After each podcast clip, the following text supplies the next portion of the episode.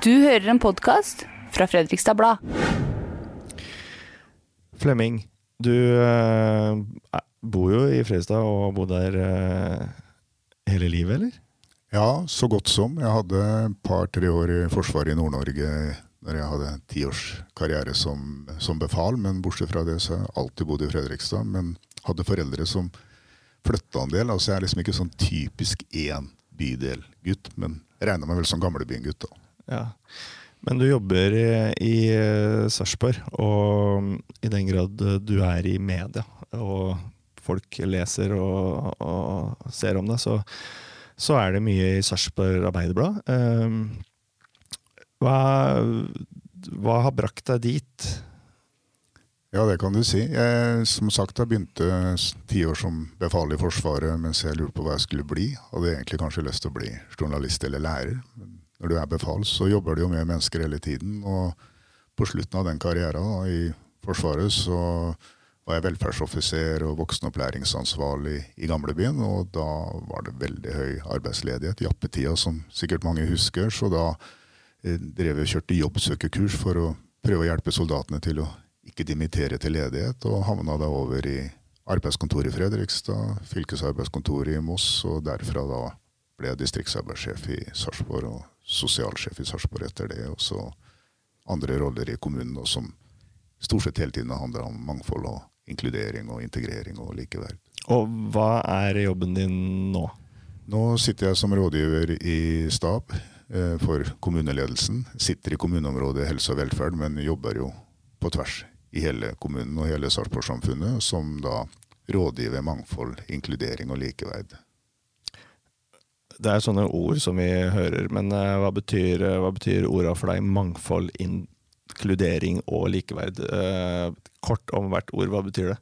Ja, Det betyr i hvert fall sånn i utgangspunktet at alle mennesker er like mye verdt. da. Det ligger jo i likeverdordet. Eh, mangfold det ligger at eh, mangfold er en ressurs. Eh, og at de organisasjonene som klarer å se på mangfold som en ressurs, de lykkes best. Og, og ellers så går det jo på rettigheter. da, At uh, likeverd er en rettighet. Alle har rett på lik verdi av tjenestene.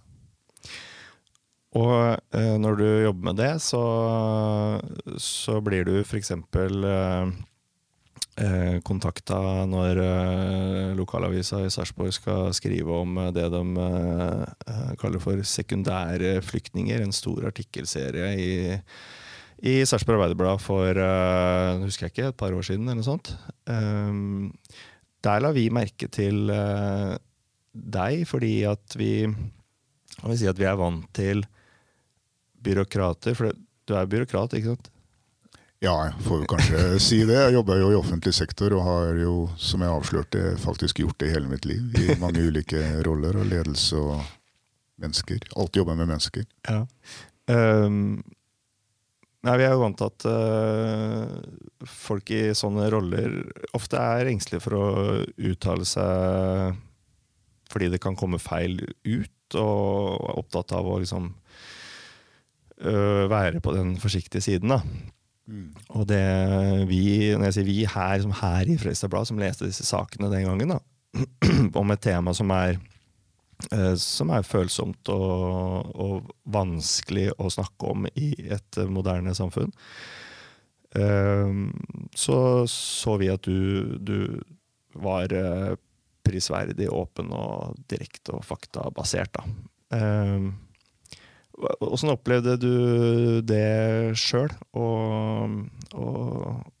være en, en, slags hovedperson i en, uh, i en, sånn setting. For det handla om at Sarpsborg som by uh, fikk uh, og får ekstraordinært mange flyktninger, tilflyttende, som da først har bodd et annet sted, og så kommer til uh, Sarpsborg etter noen år. Derav begrepet sekundærflyktninger.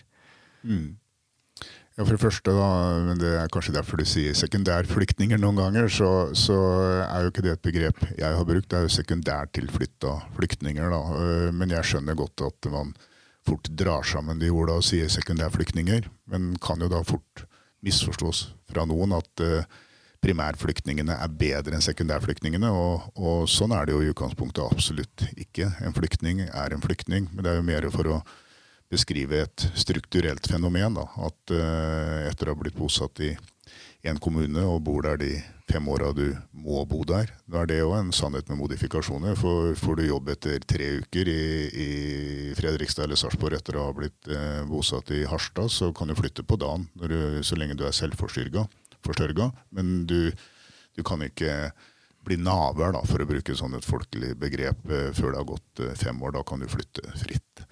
Eh, det er vel en trygghet som jeg har opparbeida meg gjennom mange år i de jobbrollene jeg nevnte jeg har hatt, som gjør at jeg ikke har noe berøringsangst. Jeg syns det er naturlig å, å, være faktabasert i den jobbrollen og det ansvaret jeg er gitt i min jobb. Og har vel vært frustrert sammen med mange av de kollegaene jeg har hatt, både i A-etat og sosialtjeneste og senere andre steder i kommunen, over den berøringsangsten som vi har sett mange andre har hatt. Da. Jeg tror at vi som jobber tett på i alle oppgaver knytta til mangfold og inkludering og likeverd, eh, ofte er frustrert over eh, hvordan man ikke tør å ta tak i det og kalle en spa for en spa.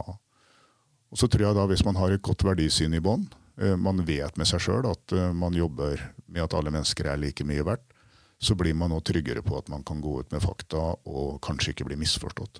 Og når jeg da har den rollen jeg har, som jeg syns er en fantastisk spennende jobb, så føler jeg at da har jeg et ansvar i å bruke min trygghet til å gå ut og være faktabasert, som kanskje er vanskeligere for mange andre i andre roller, enten det er eh, i næringslivet, administrativt eller politisk, å gjøre det samme. Fordi man fort da får ulike stempel fra de som er polarisert. Går man ut på den ene siden, så er man redd for eh, at den polariserte gruppa der skal enten heie på deg eller kaste seg over deg, og det samme da på motsatt side. Så eh, da, da, er det liksom viktig å ha den tryggheten og ta det ansvaret, og det ansvaret føler jeg at jeg er, er forplikta på å ta.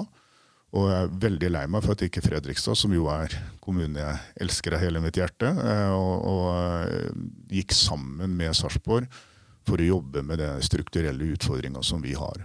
For det handler om her, det er at uh, levekårssituasjonen Allerede i utgangspunktet så topper jo Sarpsborg, Fredrikstad, Østfold eh, skalaen på alle de indikatorene du helst vil bånde, eller motsatt. Da. Og med det som utgangspunkt, og da motta alle de sekundærtilflytta flyktningene som eh, kommer fra andre kommuner, og som veldig mange av dem eh, stiller tjenesteapparatet overfor utfordringer, det krever ressurser. Og da, med vår levekårssituasjon, så har vi ikke de ressursene. Vi er kanskje blant de mest ressurssvake kommunene når det gjelder å kunne gi likeverdige tjenester innenfor mange områder når det gjelder helse oppvekst. Så da betyr det at de flyktningene som kommer hit som nye, de sliter vi med å få plassert inn og gi gode tjenester hvis de ikke er eh, allerede selvhjulpne og, og, og, har gode ressurser selv. Og samtidig så presser det jo alle de som bor her fra før, enten de er innvandrere, flyktninger eller eh, alle andre deler av innbyggerne våre, da, så, så, det var jo for å få fram at det, her er ikke bærekraftig eh, på sikt hvis vi skal ha den situasjonen uten at eh, det offentlige Norge, staten, kompenserer eh, for den situasjonen. Akkurat som man kompenserer kommuner for andre ting, distriktspolitikk osv., så, videre, så må man rett og slett ha en politikk her knytta til at vi får den store strømmen.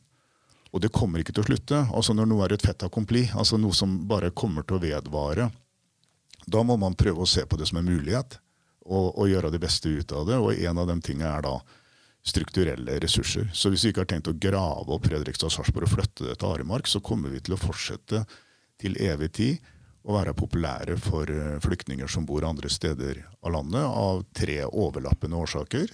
Det ene er eh, nettverk, som kanskje er det viktigste. Det er, er ikke bare eh, nettverket på Østlandet mange ville jo helst bodd i Oslo, ikke sant? men da kommer neste faktor, som er eh, økonomi. Eh, at man har råd til å bo i, i Nedre Glomma-regionen. Det er kort vei til Sverige, hvor det er billig å handle. Og pluss da igjen nettverket i resten av Europa. Du kommer deg litt fortere til eh, slekt og venner i Sverige eller Sør-Europa, Sørøst-Europa fra Fredrikstad-Sarpsborg enn du gjør fra Alta. Så, så allerede der ligger det jo en gevinst. ikke sant? Og så Den tredje overlappende faktoren det er klima. Eh, beliggenheten eh, på Sør-Østlandet er eh, klimamessig mye mindre utfordrende for mange som er vant til et annet klima enn enn andre deler av landet. Nå skrev jo også vi i Fredrikstad om, om, dette fenomenet etter at, at, SA hadde gjort det. Og, og, vi opplevde vel at den, den politiske majoriteten her uh, syns vel det var eh, kanskje først av alt eh, problematisk at vi, at vi problematiserte det. Eh, er det det du tenker på når du sier at eh, du syns det er eh, leit at ikke Fredrikstad Sarpsborg gjorde dette felles? Sørga for at mulighetene til å få, nettopp for det handler jo om penger. Det handler mm. om at vi trenger mer penger for å håndtere denne situasjonen. Ja. Eh, er det det du tenker på? Ja, det er det jeg tenker på. Det, den gjentatte misforståelsen om at vi skal ikke lage flyktningregnskap. Eh, fordi det handler jo ikke om å lage regnskap rundt enkeltpersoner. Vi var òg opptatt av, når vi henta fram våre fakta, som vi brukte i møter med Integrerings- og mangfoldsdirektoratet, med Utlendingsdirektoratet, med Kommunenes sentralforbund, med statsforvalter og fylkeskommunen Vi har prøvd å møte på de arenaene som er, og de har vilt møte oss. og og vi har fortsatt eh, god dialog, og ingen har slakta oss enda for eh, at vi har tatt opp tematikken. Men så blir det misforstått at man da liksom ser på, går ned på enkeltindividnivå og, og eh, liksom nedvurderer flyktninger. For meg som igjen, altså alle mennesker er like mye verdt. Jeg kjenner mange fantastisk flotte personer med flyktningbakgrunn og innvandrerbakgrunn. Men det rare er at vi kan med den største letthet si at eldreomsorgen er en stor utfordring. Eldrebølgen. Eh, vi driver jo ikke da og snakker om at enkeltpersoner som er eldre, er mindre verdt enn andre, men vi tar det jo fram som et strukturelt fenomen. Og det er det samme her. Det er et strukturelt fenomen at uh, det kommer så mange til vår region. Og når vi da, altså Veldig mange vil til Sør-Østlandet, av flyktninger som bor rundt omkring. og Det er òg en kjensgjerning som da SSB har lagt fram fakta på, og som jo NRK tok fram i en artikkel som du kanskje vil snakke om senere. Det er jo at grunn av da de økonomiske forholdene, så er det òg flyktninger fra grupper som gjennomgående har scorer dårlig da, på en del indikatorer, som, eh, som, flytter hit. Igjen, det menneskelige perspektivet er ikke noe tvil om. Vi, vi, skal jobbe for at alle skal lykkes innenfor sitt potensial så godt som mulig. Men da å forveksle liksom det med at nei, det her vil ikke vi være med på, for det er flyktningregnskap. Men vi må jo jobbe med fakta. Og fakta er at de sekundærtilflytta flyktningene som kommer til Sarpsborg, de er mye mer utfordrende å jobbe med enn de vi primærbosetter selv. Ikke fordi det er noe forskjell på uh, utdanningsnivå eller uh, andre forhold ved personene isolert sett, men når du begynner med inkludering og integrering fra dag én, så bygger du nettverk. Vi jobber langs flere akser samtidig fra dag én, med hobbyer, fritid, nettverk, venner, i tillegg til da det mer instrumentelle. Da, at de, de, skal utdanne seg, uh, lære norsk samfunnsliv og komme i arbeid, helst. da. Eh, vi, vi, ønsker jo det, men du får jobbe med helheten fra dag én. Mens de som kommer etter fem år i en annen kommune, mange vet når de har bosatt at det her kommer jeg ikke til å bli, men for å komme ut av asylmottaket, for å komme i gang i en kommune, så må de på en måte si ja ikke sant, til den kommunen de får. Og Da er det ofte en dårlig motivasjon i de fem åra. Og så kommer de da eh, ofte dårlig integrert. Forskjellen mellom kommuner i Norge er jo ofte større enn mellom land i Europa. Så, så, så de, de, kommer kanskje til helt andre strukturer. Og så Det verste av alt det er at veldig mange av de småkommunene de kommer fra, de trenger innbyggere. Så de har god plass. Mange trenger arbeidskraft òg. Så mange av de som kommer til oss som sekundærtilflytta, store barnefamilier, seks til tolv barn eh, i mange av de største familiene, de flytter da fra en stor villa, stor tilpassa bolig, til jeg kaller for en hatthylle i Sarpsborg, altså som er altfor liten. Og da starter problemet. For da er ikke, Barn har ikke plass til å vende på besøk, gjøre lekser. Eh, og vi får den situasjonen som jeg tror mange har lest om fra skolene nå, med, med store utfordringer. Og vi ser at de sekundærtilflytta flyktningene i Sarpsborg representerer nå ja, anslagsvis sånn 7,5 av eh, befolkningen. Men det er over det dobbelte av barnevern. Barna fra de samme familiene. ikke sant? Og, og det samme det er overrepresentert på Nav. Eh, det er overrepresentert på flere andre kategorier. Og det må vi få lov å si som en strukturell utfordring. Du nevnte en NRK-artikkel, um, og det som har eh, prega sommeren din, vet jeg. Eller kanskje det er det vi i Fredrikstad Blad gjorde med den artikkelen som har prega sommeren din. fordi at uh, i, uh, i, en artikkel på NRK så, så sier du Er du sitert på at uh, Sarpsborg er som et fluepapir på, på sekundær sekundærtilflytta flyktninger? Er noe sånt? Det sa vel bare flyktninger, tror jeg da. Eller, eller det er mulig jeg sa sekundærtilflytta, og det, det, er jo det som for så vidt er gruppa. da. De som bor her, de bor jo her. Ja. Og, og det valgte vi å bruke som tittel på vår versjon av den saken. En sitatsak fra NTB som fikk eh, det med fluepapir som, eh, som tittel. Og um, hvordan uh, Ja, jeg sa at det har prega sommeren din. Hvordan har du gjort det? Ja, på mange måter. Det, det, at det ble plutselig valgt som overskrift, det som uh, jo var, et, uh, var, en metafor da, i, en større kontekst, altså i en større sammenheng, som jo starta med at jeg sa at vi syns det er uh, spennende og flott at de flytter hit, og, og, for oss er alle mennesker like mye verdt. Da har jeg jo sagt det og blitt sitert på det. Eh, og brukte da en metafor som det var uklokt å bruke. Men, og jeg, alle burde kanskje tenkt på det, eh, siden jeg vet å jobbe med integrering og, og innvandrere og språk, og at noen ganger så er språk vanskelig. men jeg måtte dobbeltsjekke, for jeg er vant til å bruke den sånn at, det, at vi er populære, at vi tiltrekker oss. Og det er jo det vi gjør. Og så, så, jeg måtte jo søke på igjen på Norsk akademisk skolebok og fant ut der at jo, det er helt fra Augustin sin tid i år 300 så ble det med fluepapir brukt av positivt. At han trakte seg, og det sto vel her noe om at Tom Lund var som et fluepapir på for god fotballspiller til Lillestrøm Og Så, videre, så, så, så det, det, var litt uh, forunderlig at det ble dratt fram så veldig. Da. Men det er klart når det lå i en overskrift, så, så må jeg jo si det til deg at jeg var ikke så veldig glad i Fredrikstad-bladet. dere vet jo like godt som meg at noen mennesker danner seg sin kunnskap om å lese en overskrift og kanskje litt ingress, så er de verdensmestere i et temaområde. da. Så det, det gjorde at det ble et uh, helvete for meg fra noen som da reagerte veldig på vegne av andre. Og som en sånn en bisetning der òg. Det, det, er jo noe som skjer veldig ofte i samfunnet nå, den der, innenfor det krenkelsesproblematikken. At folk blir ikke krenka sjøl, men noen passer på at de skal bli krenka. når de enda ikke er det. Og jeg har jo i den situasjonen her kontakta en god del for å høre jeg hadde tenkt å be om unnskyldning liksom, hvis det gikk så hardt innover dem. Og da får man høre at mange av dem som de har blitt krenka på vegne av, da, de har ja, heva øyebryna litt. Syns det var eh, en spesiell metafor, som jeg jo innrømmer. Men de, de, de har jo ikke tatt så veldig på vei som da en politiker fra bystyret her gjorde. Jeg fikk jo en telefon som var ganske uvirkelig. Men den kan du håndtere, for da havner du i en dialog. Selv om det gjorde vondt etterpå det, og en del av det som ble sagt. For jeg fikk jo et klart inntrykk av at uh, hele det uh, Altså alle irakere og somaliere, ikke bare i Fredrikstad, men i Sarpsborg, var nå fly forbanna på meg og syns jeg egentlig alltid har gjort en elendig jobb i, i Sarpsborg.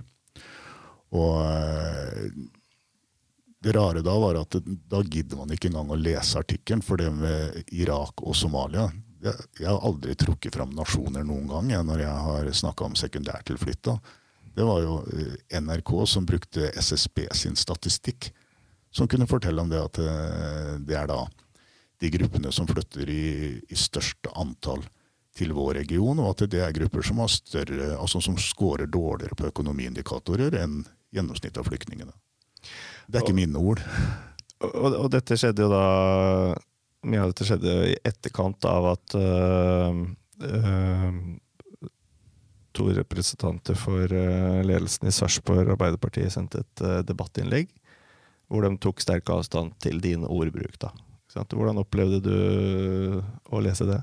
Ja, Det var mye verre for meg enn som jeg sier, den telefonen jeg fikk. Eh, fordi det jeg opplevde der, de, de vet hva jeg jobber med, og hva jeg har jobba med hver dag i så mange år. år og da på en måte starte artikkelen med at dette tar vi sterk avstand for og, fra, og dette er eh, nedgradering av mennesker. Eh, ikke ett ord om at, eh, liksom, å nyansere at dette var jo en metafor som vi ser kan misforstås, men vi vet jo hva eh, personen har jobba med i alle år. Eh, så, så, det var jo, som jeg jo skrev Jeg fikk jo heldigvis sjansen til å få på trykk eh, en refleksjon rundt flere temaer. Uh, hvorav det her var en av de tinga jeg traff fram. Og jeg syns det var Ja, det er noe av det verste jeg har opplevd noen gang. Og, hadde, og fordi det også ble trukket fram det med sikkerhet uh, rundt det her, at nå var PST mer på alerten. Det virka som det, utenriksministeren skulle komme på besøk her. Altså Nå visste at det var en feilinformasjon. Men jeg var mottaker og visste ikke det. Jeg var på ferie og fikk da den informasjonen fra Arbeiderpartiet lokalt i Sarpsborg, kombinert da med den telefonen fra, fra bystyrerepresentanten i Fredrikstad, og, og, og, var faktisk ganske redd. Og jeg må innrømme at uh, en ukes tid så kunne jeg liksom føle litt på kroppen hvordan de har det, de som havner i mediesøkelyset hvis de har uh, gjort ukloke ting, enten det gjelder reiseregninger eller solbriller eller hva det måtte være. Jeg skal ikke sammenligne det på det nivået, men jeg, jeg var utrolig satt ut av den kommunikasjonen som kom fram da. Og, og som du er inne på, det, det, det, verste var at to sentrale lokalpolitikere, hvor den ene jo kan da fortsette å bli ordfører i, i Sarpsborg etter valget, eh, på en måte til de grader slakter eh, mitt utsagn. Og, jeg prøvde jo i min oppklaring å ta en analogi. Altså vi, det hadde sikkert vært helt greit hvis jeg sa at vi er som en magnet på flyktninger. Vi ser jo ikke på flyktninger som jernspon da, eh, med å være en magnet på. Eh, og, og, det samme her med flypapir. Det var jo bare at vi er vi tiltrekker oss flyktninger. Da jeg vokste opp, så kunne jeg si at det er som en flypapir på den sprekke jentene. Så, så, så liksom det, altså, en metafor er en metafor. Eh, da, så det var eh, Nei, jeg skal tørre å si det på radioen. Det var jævlig. Og jeg skulle prøve å ha rakryd og ferie med dattera mi på 14 15 år. Og, og, og, midt oppi det her sånn. Og, og, så jeg sov nesten ikke på en uke. Og så har du gifta deg i sommer, har du ikke det? Jo, det, midt oppi alt det her så var jeg veldig sliten. Jeg har, vi har solgt hver vår leilighet. Jeg har, jeg har vært kjæreste med ei jente i fire år. Fantastisk hjerte. Og etter da fire år eh, som kjærester, så måtte vi at vi skulle flytte sammen. Så da vet sikkert de fleste hvordan det er å tømme to leiligheter, flytte inn i en ny en, og så gifte seg alt på en gang. Og, og det her tok uh, mye krefter i den uh, posisjonen jeg var i da. Men nå bor jeg i femte etasje i sykehuset. Det fem, A5 det var visst ortopedisk avdeling en gang i tida. Så de som ønsker å ta meg, de finner meg der. ja, du, du er en av få som har flytta inn, da? Ja, av 60 leiligheter så er det vel 20 cirka som er solgt, og vi er vel kanskje ja, maks 10 som har flytta inn. Men eh, det kan jeg si til de som måtte lure på, at å bo på Cicignon er jo fantastisk. Og, og, det er et bra sted å bo. Men jeg er ikke ansatt av noen for å markedsføre noe, så jeg skal ikke dra det lenger enn det. Men når du bor i Fredrikstad og jobber i Sarpsborg, hva, hva, hva er hovedforskjellene på de to byene, som du opplever det?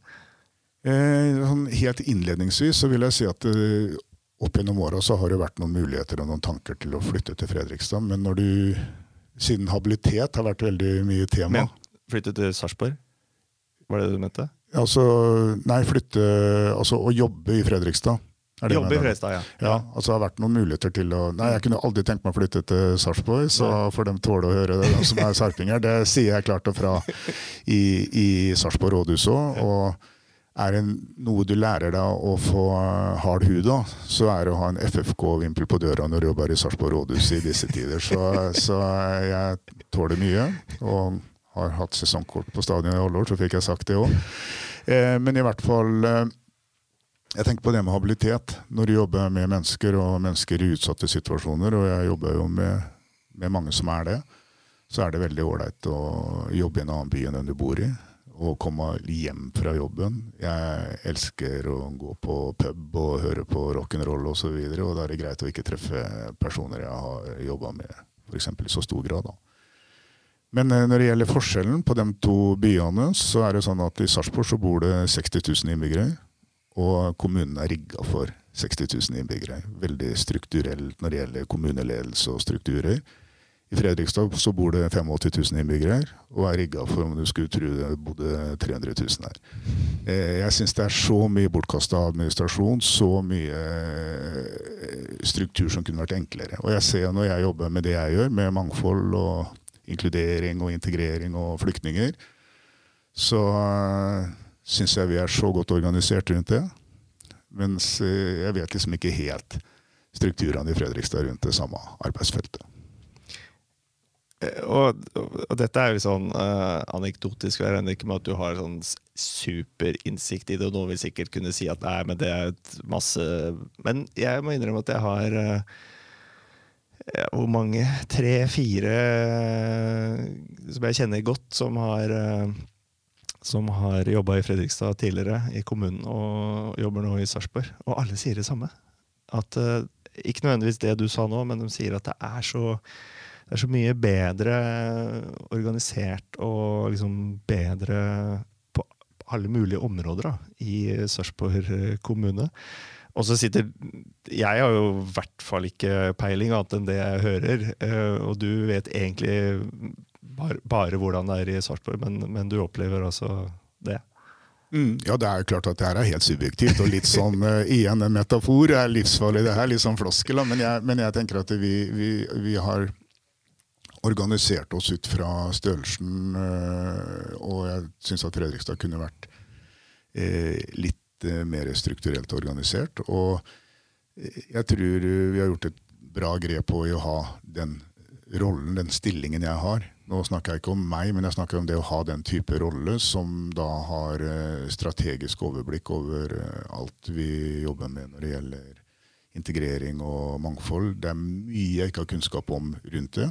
Men jeg har jo, eller Sarpsborg kommune har jo veldig dyktige medarbeidere i flyktningeteamet og på de som jobber med eh, sekundærtilflytta flyktninger og, og, flyktninger på Nav, og, og, jobber oversiktlig og strukturelt med de ulike råda knytta til mangfold og, og flyktninger. Fins ikke samme rolle i Fredrikstad? Nei, burde, det, dette burde jeg sikkert visst, men jeg vet ikke. Det er nok ganske mange som ikke har det i sin kommune, og det er vel noe jeg ofte blir benchmarka på og spurt om når jeg da har ansvaret for å lage en egen mangfoldsplan og prøve å sy sammen helheten rundt hele mangfoldet. Eh, og for det er jo som jeg sa i stad, man jobber med alder, med eldre, hvordan se på muligheter som ressurs det er. Eh, og et annet tema som jo har vært framme nå i løpet av sommeren, det har jo vært angrepet på Fredsmarsjen f.eks. Og, og jeg jobba jo mye med seksuell orientering. Eh, og det er jo masse homofobi blant eh, flere av flyktning- og innvandrergruppene. Så det er utrolig flott å jobbe med de to tinga samtidig når man jobber med inkludering og likeverd, og tørre å utfordre på det. Så en sånn diskusjonstema som kunne vært spennende å løfte fram mye mer, det er liksom religionsfrihet versus menneskerettighetene. Kulturfrihet versus og menneskerettigheter, demokrati, grunnlov. Ytringsfrihet er for meg av et utrolig sentralt begrep igjen. Men i hvert fall når det gjaldt det angrepet på fredsmarsjen nå, så, så merker jeg, i og med at jeg jobber med hele mangfoldet, hvordan da de som uh, står for rebellkollektivet Kafé Bra Nok, og de som jobber for uh, homofiles rettigheter. Kjenner sikkert til det. som Ja, ja, i Fredrikstad, ja. I Fredrikstad. Og uh, hvordan da, når man rydda opp i det her, så rydda man liksom opp i det mest som at det var et angrep på, på fredsmarsjen og, og, eh, og dette med kulturer som da angrep dette, og, og det religiøse.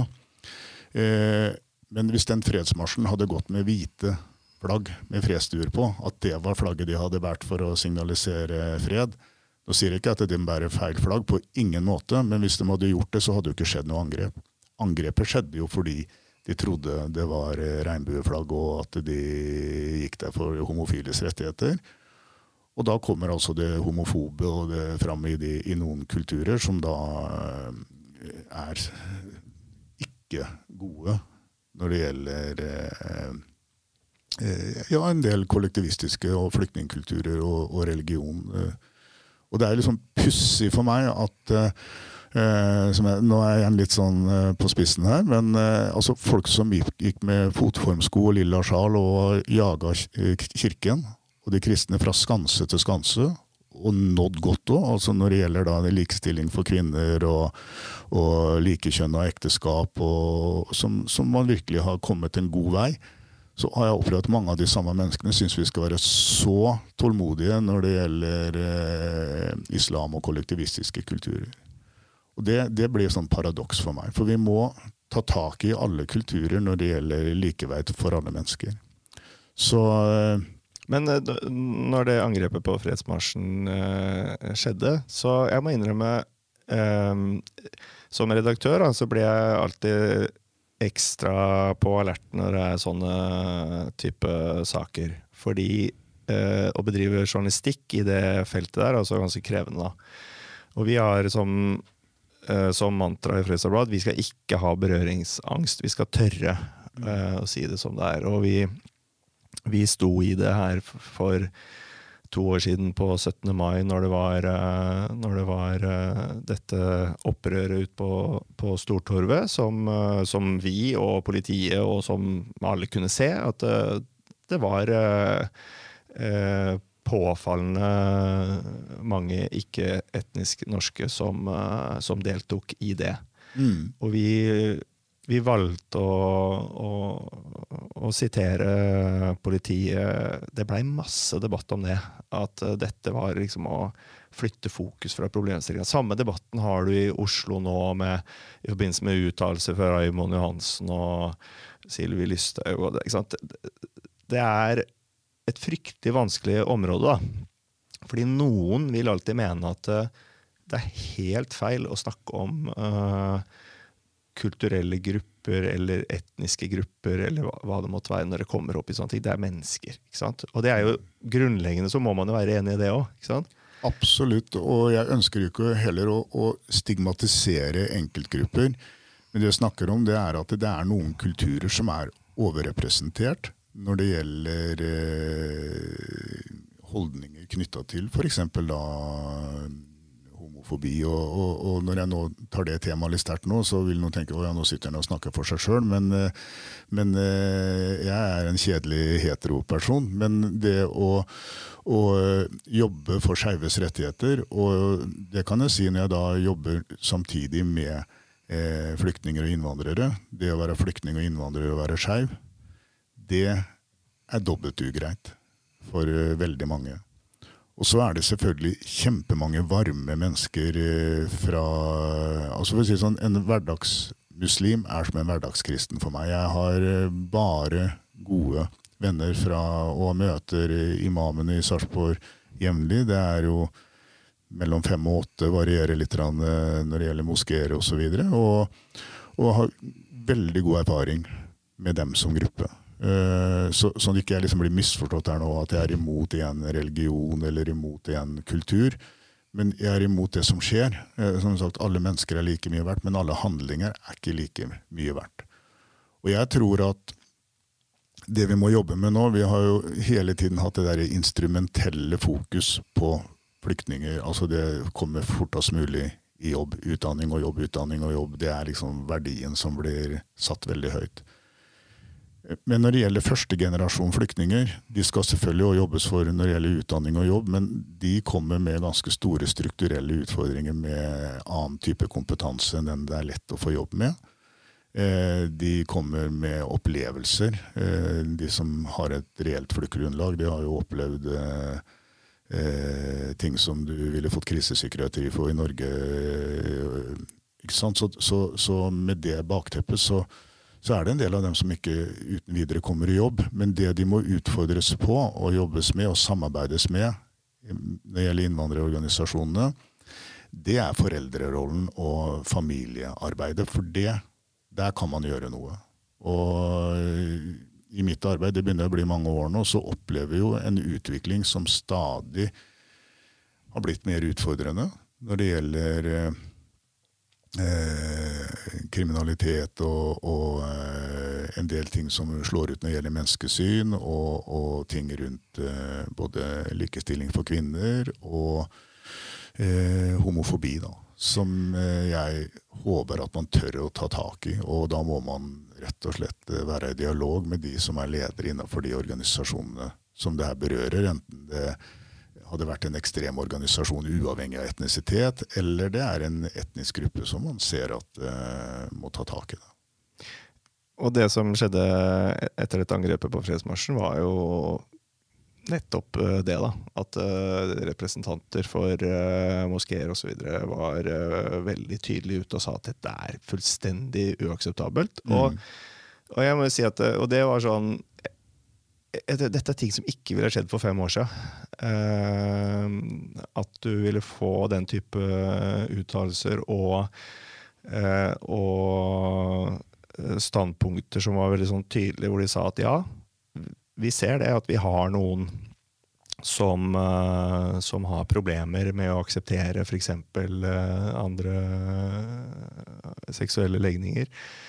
Uh, og det må, vi, det må vi jobbe med, men som organisasjon eller som uh, menighet, så, så, så, så, er vi mot dette angrepet, og vi er for det budskapet som fredsmarsjen har. Og de stilte opp og, og, og, var med på marsjen uka etterpå. Det var jo, det jo riktig, en fin men... greie, men, men når du så det, tenkte du ja, ja, da går det greit, da. Eller, eh, eller Det er viktig er for meg å si to ting her nå. Det ene er at jeg, altså, biskopen vår er jo helt fantastisk. Jeg har jo samarbeidet med Kari fra dag én når hun begynte som prost i, i Sarpsborg. Og hun var jo med og tok hansken og starta opp det som nå er Dialogforum Østfold, hvor Tariq Alsagov, som er leder, som jo sto fram tydelig der. Så Kari, Tariq, det er jo helt nydelige mennesker å samarbeide med. Men det er ikke tvil om at når man leser hvordan de politiske partiene uttaler seg, de ulike religiøse miljøene uttaler seg, at innafor da der hvor det går på tro og livssyn, så, så blir det veldig runde, glatte svar. Altså Én ting er å si det sånn fra øverste hold, at dette står vi for. Kari er ikke glatt eller rund. Kari er tydelig og står for det til det innerste av det indre, og det tror og håper jeg også at det Tariq gjør. Men de vet at i sine organisasjoner, både kulturelle og religiøse, så er det langt fra virkeligheten at eh, det er inkluderende når det gjelder denne tematikken. Eh, jeg har vært på skoler når Amaladen holder sine innlegg. Altså Amaladen er en eh, lesbisk, likekjønna gift kvinne fra Somalia med somalisk bakgrunn. Og da kommer innvandrergutter og reiser seg opp og roper haram, eh, og, og man får ikke ro i klasserommet. Altså det er, det er mye å ta tak i, og vi må våge å ta tak i det. Og så si at eh, vi skal selvfølgelig jobbe med det på samme måten som Kirken gjorde. Det, jeg er jo en gammel mann, så det er klart de som var biskoper på 60-tallet, hvis de hadde våkna opp nå, så hadde de kanskje gravd seg ned igjen. For de hadde fått sjokk eh, med hvordan Kirken har utvikla seg når det gjelder Eh, kvinner i ulike roller og likekjønna. og også synet på det. Så, så, mye er bra, men samtidig så hvis du skal se i øya de som lever i dag, da, og så skal man si at nei, her må vi være tålmodige og bruke lang tid, de lever nå. Så noen må våge å gå i en faktabasert dialog nå. For det er jo det det handler om. Liksom, hva, hva, er det enkle svaret? Hvordan, hvordan, vil jeg at vi skal jobbe med det her sånn? Og det er faktabasert dialog. For jeg, jeg tror ikke på at du får noen til å forandre seg med slegge og ironi. Og det rare er at det tror virker som sentrale politikere har trodd i alle år. At hvis sleggemetoden og ironi og latterliggjøring av andre, da, da, får vi folk til å, å, å, utvikle seg. Og det er, jo, det er jo ikke sånn det er. Men det er ganske skremmende, den berøringsangsten da, som er hos noen, at man ikke kan jobbe faktabasert. Og jeg opplever sjøl hvordan du, når du da jobber faktabasert, så drar man rasismekortet. Eh, og woke eh, er altså I utgangspunktet så er jeg veldig tilhenger av woke og cancel culture, men det har òg blitt etter hvert veldig polarisert og ekstremt. Så, så det å gå rundt og være på en måte redd for å være tydelig, redd for å si feil ord At fluepapir f.eks. skulle få mer fokus enn innholdet i artikkelen, det viser jo at fokus er helt på bærtur noen ganger, syns jeg. Eh,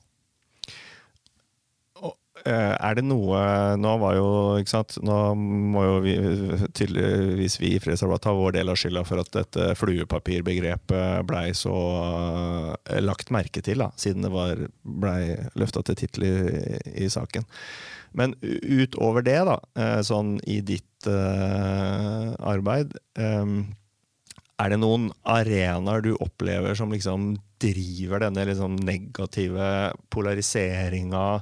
Og den litt sånn heksejakta framover. Eh, det er veldig forutsigbart å nevne liksom, kommentarfelt og sosiale medier og, og, og sånn. Men det opplever du det er, det er, det der det skjer, eller, eh, eller har det også Har det blitt et større problem med politikere, f.eks., som også kaster seg på disse eh, litt sånn unyanserte polariserte budskapene eller motivasjonene. da. Altså Som jeg sa, ytringsfrihet eh, syns jeg er utrolig viktig, og, og, det må vi bare stille oss bak. Eh, men den eh, skal vi si, ytringsfriheten, da, når man ser hvordan den på en måte blir brukt, eh, så, så, er jo den da kombinert selvfølgelig med det du var inne på med sosiale medier, kommentarfeltet. Altså alle, alle arenaene da, som du kan bruke ytringsfriheten på nå, gjør eh, at eh, det blir jo steinkasting fra eh, to grøfter. Eh, veldig mye av det. Og, og altså det blir så lettvint å, å, å danne seg meninger. Altså, som jeg jo skrev tilbake når jeg var kritisk til dere da, med hvordan dere reformulerte og bytta overskrift på den eh, artikkelen som jeg var en del av. Så, så, er det sånn at mange mennesker de danner seg liksom, fakta. Grunnlaget er en overskrift og en, og en ingress. Og så Jeg vet ikke om det starta med realityseriene. Jeg har noen ganger tenkt på det, hvordan eh, alt fra Idol til det ene og det andre og det tredje har skapt en slags sjargong som er tillatt på verdensbasis når det gjelder å slenge dritt til folk uh, som en del av programmet. Det, var nesten morsommere å se på første og andre episode av, av Idol, hvor da programlederne fikk lov å latterliggjøre de som ikke kunne synge. De begynte å også se på de episodene hvor de, hvor de dyktige var igjen. Og jeg tenker da hvordan Donald Trump og andre politikere så, altså, når jeg vokste opp, Hvis man hadde sett for seg at den amerikanske presidenten skulle uttrykke seg sånn som han gjør, både muntlig og i, i, sosiale medier. Nå tok jeg han, for han er sånn, for meg et veldig grelt eksempel på hvordan du kan uttrykke deg muntlig. Så tror jeg det har skapt en kultur som har blitt gjennomgående i, i dialogformen, og, og, som er ganske snål. Hadde ikke, vi hadde ikke sett for oss Kåre Willoch og Gro Harlem Brundtland i sine debatter. Eh, Uten at de nødvendigvis alltid var så bra. Men, eh, men, eh, men allikevel, da, jeg tror at Jeg vet ikke om det var et dårlig eller bra, eller bra svar på det du, du spurte om, men jeg, jeg, tror liksom hele konseptet er liksom bygd opp mer av at det er tillatt å, å, slenge ut av seg og ikke bry seg så mye om hvem som ligger igjen i veikanten som på en måte offeret. Det er målet helliger alt. Ja, og du som da kan og har opplevd å bli skyteskive for den type liksom, unyansert eh, kritikk, da. Eh, hvordan eh, Leser du kommentarfelt, eller holder du deg unna? Eh, kommer an på. Det, jeg må innrømme det at eh, selv om man kanskje burde gi seg sjøl et råd på at nå leser du ikke kommentarfeltet, Flemming, så gjorde jeg det. Og, men jeg blei jo for så vidt positivt eh, overraska over eh, eh, at kommentarfelta ikke var så veldig gærne når det gjaldt eh, de artiklene, selv om jeg ser jo polariseringa. Eh, hvis det er temaer som jeg syns det er viktig å prøve Vi hadde jo den serien rundt sekundærtilflyttinger. Da, da brukte jeg en del energi i kommentarfeltet på å prøve å faktabasere. For eksempel så hadde du de ytterliggående som mente at vi hadde egne satser for uh, flyktninger som gjorde at de fikk uh, høyere sosialhjelp eller Nav-utbetalinger enn en etnisk norske. Det er jo ikke tilfellet i hele tatt. Det er jo bare det at hvis man ikke er i deltidsjobb eller uh, trenger mer altså Alle har de samme satsene. Da. Og som et eksempel da, på hvordan jeg følte et behov for å rydde opp litt i kommentarfeltet, siden jeg var en del av artikkelen. Men Opplever du at det virker? At uh, folk sier 'oi, så godt å høre', eller eh, 'takk for opplysningen'? Liksom? Eller uh, er det folk som egentlig Det må jeg si jeg opplever en del av.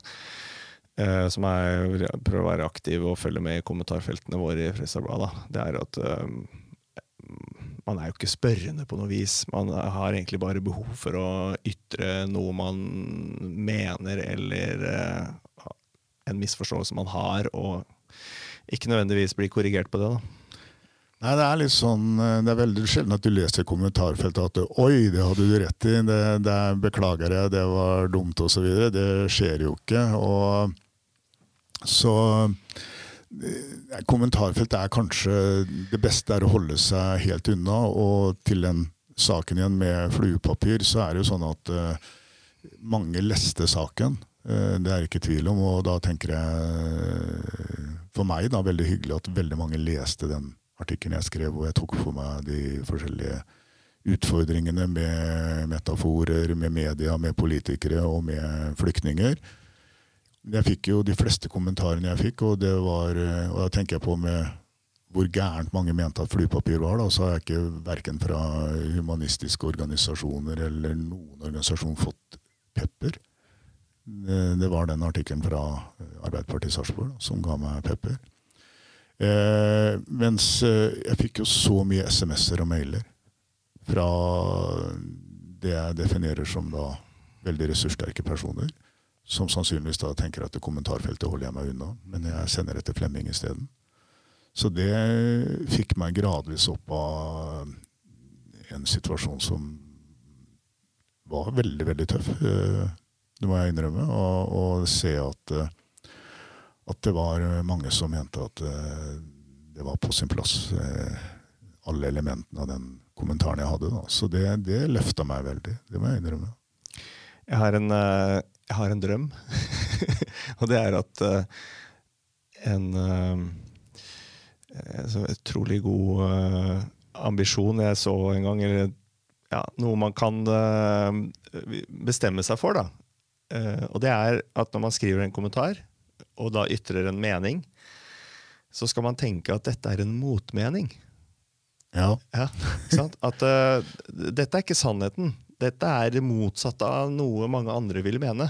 Mm. Og da er man jo forberedt på å få uh, andre motmeninger til sin egen motmening. Mm. Da tror jeg debattklimaet hadde blitt så innmari mye bedre. Problemet er at man skriver en mening som man tenker at dette er den hele og fulle og eneste sannhet. Og da blir det så innmari vanskelig når noen er uenig med deg. For det går jo ikke an. Det. Er et godt poeng. Jeg husker sånn en eh, parallell til det du sier nå, så har jeg sagt uh, innafor noen temaer at uh, gi meg en oppgave å være for, så skal jeg skrive en glødende debattinnlegg på det, eller holde et innlegg da, muntlig på en halvtime gi meg oppdraget å være mot akkurat det samme, så skal jeg klare å en glødende argumentasjon på en halvtime. Så, så, så det er jo sånn at i det så ligger det at det er jo nyansert. Det er nyanser. Det er vanskelig. og det burde jeg kanskje sagt innledningsvis, det å jobbe med mangfold og inkludering og likeverd, det er utrolig vanskelig. Da tror jeg det er viktig å ikke gå seg bort i altfor mye vanskelig, som kanskje Woke har begynt. De går seg litt bort. Det blir Altså, keep it simple er noen ganger lurt. og Eh, som jeg nevnte når vi småprata litt i forkant, en bok som jeg har vært eh, viktig for meg når man jobber i det liksom polariserte. Det er en forfatter som heter Amos Os, en jødisk forfatter som var veldig tøff. Han er absolutt et forbilde, for han eh, ønska jo å bygge broer eh, mellom Palestina, Israel og kulturene der nede. og Eh, I en bok da som jeg leste den på svensk, da, så var Human Hotar en fanatiker. Eh, nei, Human Botar, unnskyld, en fanatiker. Og, og, eh, og da skrev hun at man kan ikke bli ekstremist eller fanatiker hvis man har to egenskaper. Det ene er empati, og det andre er humor. Så, så du liksom, er du empatisk og har du sans for humor, så, så så på en måte klarer du å være inkluderende, du klarer å, å se alle. Og jeg tenker på det innimellom, de, de, som skriver disse polariserte innleggene. Det er veldig sjelden du ser noe glimt i øyet og latter og noe humor der. Det er mer at eder og galle spruter ut. så, så, eh, jeg tror han har rett i det, hvis vi kunne ha litt glimt i øyet, se litt humoristisk på det, og samtidig den der evnen å sette seg på den andre stol, som jeg bruker å si. da Jeg prøver liksom å sette meg på den stolen. Og da tenker jeg det med sekundærtilflytting, hvor vi jo naturlig nok kan reagere på at uh, hvordan liksom kan man finne på å flytte, ta med seg barna da. Ut av barnehage, ut av skole, ut av en tilpassa bolig, til noe som absolutt ikke er tilpassa i Sarpsborg eller Fredrikstad og for noen tilfeller òg noen som faktisk drar fra fast jobb og inntekt, eh, som man jo ofte får i primærnæringa i noen av disse mindre kommunene, og så drar frivillig til arbeidsledighet. Og så setter jeg meg på den andre stolen. Og så tenker jeg at eh, nå har du, Flemming, eh, nå er det Norge som eh, ikke har det bra. Det er krig, og jeg må flykte. Og jeg har flykta til Somalia, for det var det trygge, flotte stedet å flytte til. Og jeg flytta sammen med deg, René, og la oss si alle andre i huset her og folk som jeg kjenner. Og så har alle dere blitt bosatt i Mogadishu, og så bor jeg ute på landsbygda i Somalia et eller annet sted. Eh, og selv om jeg da hadde fått en flott bolig, selv om jeg hadde hatt det eh, fint med Vilma, dattera mi, så hadde jeg kanskje gjort hva jeg kunne for å flytte til Mogadishu, hvor alle dere andre bodde. Så det er liksom for å forstå liksom hvorfor skjer det. Og så tror jeg samtidig, når det er sagt, da, som da en motrefleksjon, for da begynner man å starte en refleksjonsbølge som gjør at nå kan vi Nå, nå, nå jeg utgangspunktet for en dialog.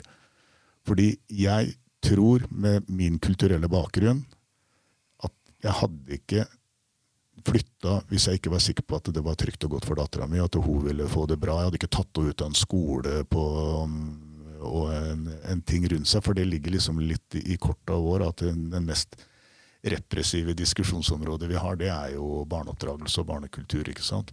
Og tar vi i Norge òg, hadde jeg plutselig fått meg en kjæreste i Bergen og, og bare drømt om å flytte til henne, så hadde jeg ikke flytta dit hvis jeg ikke først hadde klargjort med jobb og med barna mine at, de, at det var på plass.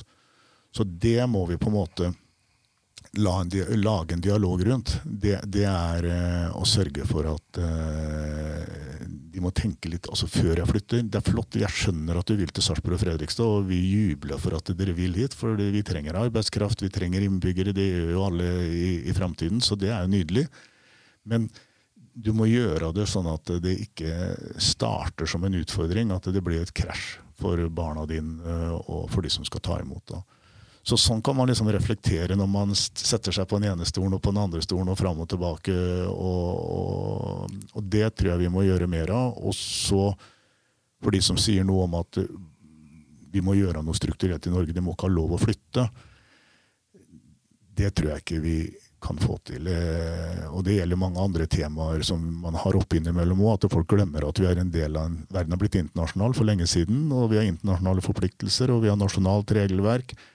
Men jeg skulle ønske at mange av de kommunene som bosetter flyktninger og tar imot integreringstilskudd i fem år, bruker litt mer energi For det er en del som ikke gjør, når de oppdager at oi, det her var en stor utfordrende familie.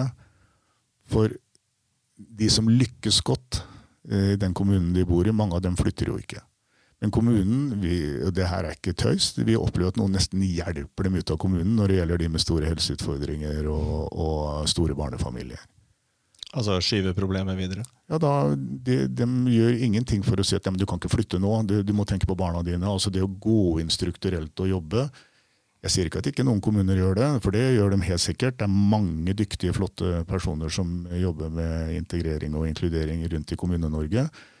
Men vi opplever veldig ofte at, eh, at det kommer eh, etter fem år, og det burde vært oppretta ikke minst en dialoglinje. Bare, bare, det fraflyttingskommunen hadde tatt kontakt med, med Sarpsborg i god tid og sett at nå har vi en familie her som kommer til å flytte. Når det har gått ja, for sånn funker det ikke, så dere får bare en storfamilie tilflyttende uten å vite noe om dem, kanskje? Veldig ofte. Mm. Det syns jeg er det mest skremmende i det sekundærtilflyttingsfeltet. At det ikke blir gjort en innsats fra fraflyttingskommunen på å opprette en god dialog og få til den flytteprosessen. Nå har du jo egentlig sagt noe om det, men eh, jeg tenkte vi skulle, jeg tenkte vi skulle runde av, ja, Flemming. Ja. Uh, og spør, nå er du, var du 64? Jeg blir 64 til lørdagen, faktisk. Du blir det på lørdag. Eh, gratulerer på forskudd. Eh, det betyr at du har ikke tenkt å ha den jobben her i sånn supermange år til, kanskje?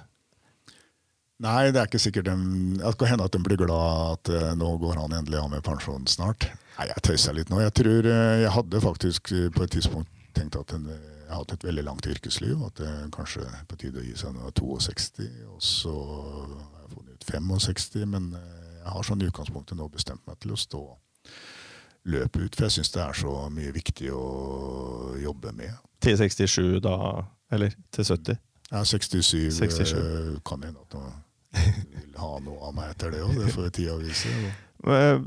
Men øh, de tre åra der, da. Hva håper du at uh, du skal være med på å få til på det området her? Uh, ikke noe lang tale nå, men uh, hvis du tar det kort. I Sarpsborg. Ja, jeg, jeg, tar med Fredrikstad. Ja, for det er, altså, Innbyggerne i de to byene de ser ikke kommunegrensa, veldig mange av dem. Så, så, jeg tenker at hvis vi kunne samarbeide tettere, så ja, kanskje det er rett og slett med den ting jeg kunne ønske jeg kunne få til. At vi hadde hatt eh, bedre og tettere samarbeid på tvers av kommunegrensene innenfor en del viktige utfordringsområder. Eller så håper jeg å få til eh, mest mulig faktabasert kommunikasjon og dialog med de gruppene som representerer mangfoldet, og de som kan gjøre noe for mangfoldet. Og det blir gjort mye bra. Nå har jeg jo liksom harselert litt med, med Fredrikstad, men samtidig så er det når det gjelder frivilligområdet og en del områder, så er jeg ofte på konferanser i Fredrikstad og samarbeid her, for de får veldig mye bra påfyll, eh, hvor de inviterer da fra begge kommunene. Nå klarte jeg ikke å være kort igjen, da, men i hvert fall helt kort da, faktabasert eh, dialog og kommunikasjon, og at eh, det polariserte kunne bli litt mindre. Og, og, at det kunne bli mindre av de som bruker masse energi på å bli krenka på vegne av andre. Det er gode ambisjoner. Eh, hvordan skal du feire bursdagen? Det har jeg ikke tenkt på. Det blir vel å prøve å rydde og jobbe etter å ha flytta sammen. da, Fortsette med det. Og så har eh, pga. den prosessene så har jeg ikke vært så mye sammen med dattera mi som jeg ønska meg denne sommeren. her, så når hun kommer til meg i morgen kveld. Eh, jeg bor ikke sammen med mammaen, som du skjønner der, nå. Så, så gleder jeg meg veldig til det. Og så en langhelg med dattera mi og kona mi, det ser jeg veldig fram til. Kos deg med det, og tusen takk, Flemming Johnsen, for uh, besøket. Bare hyggelig. Veldig flott å bli invitert og få sjanse til å si litt. takk.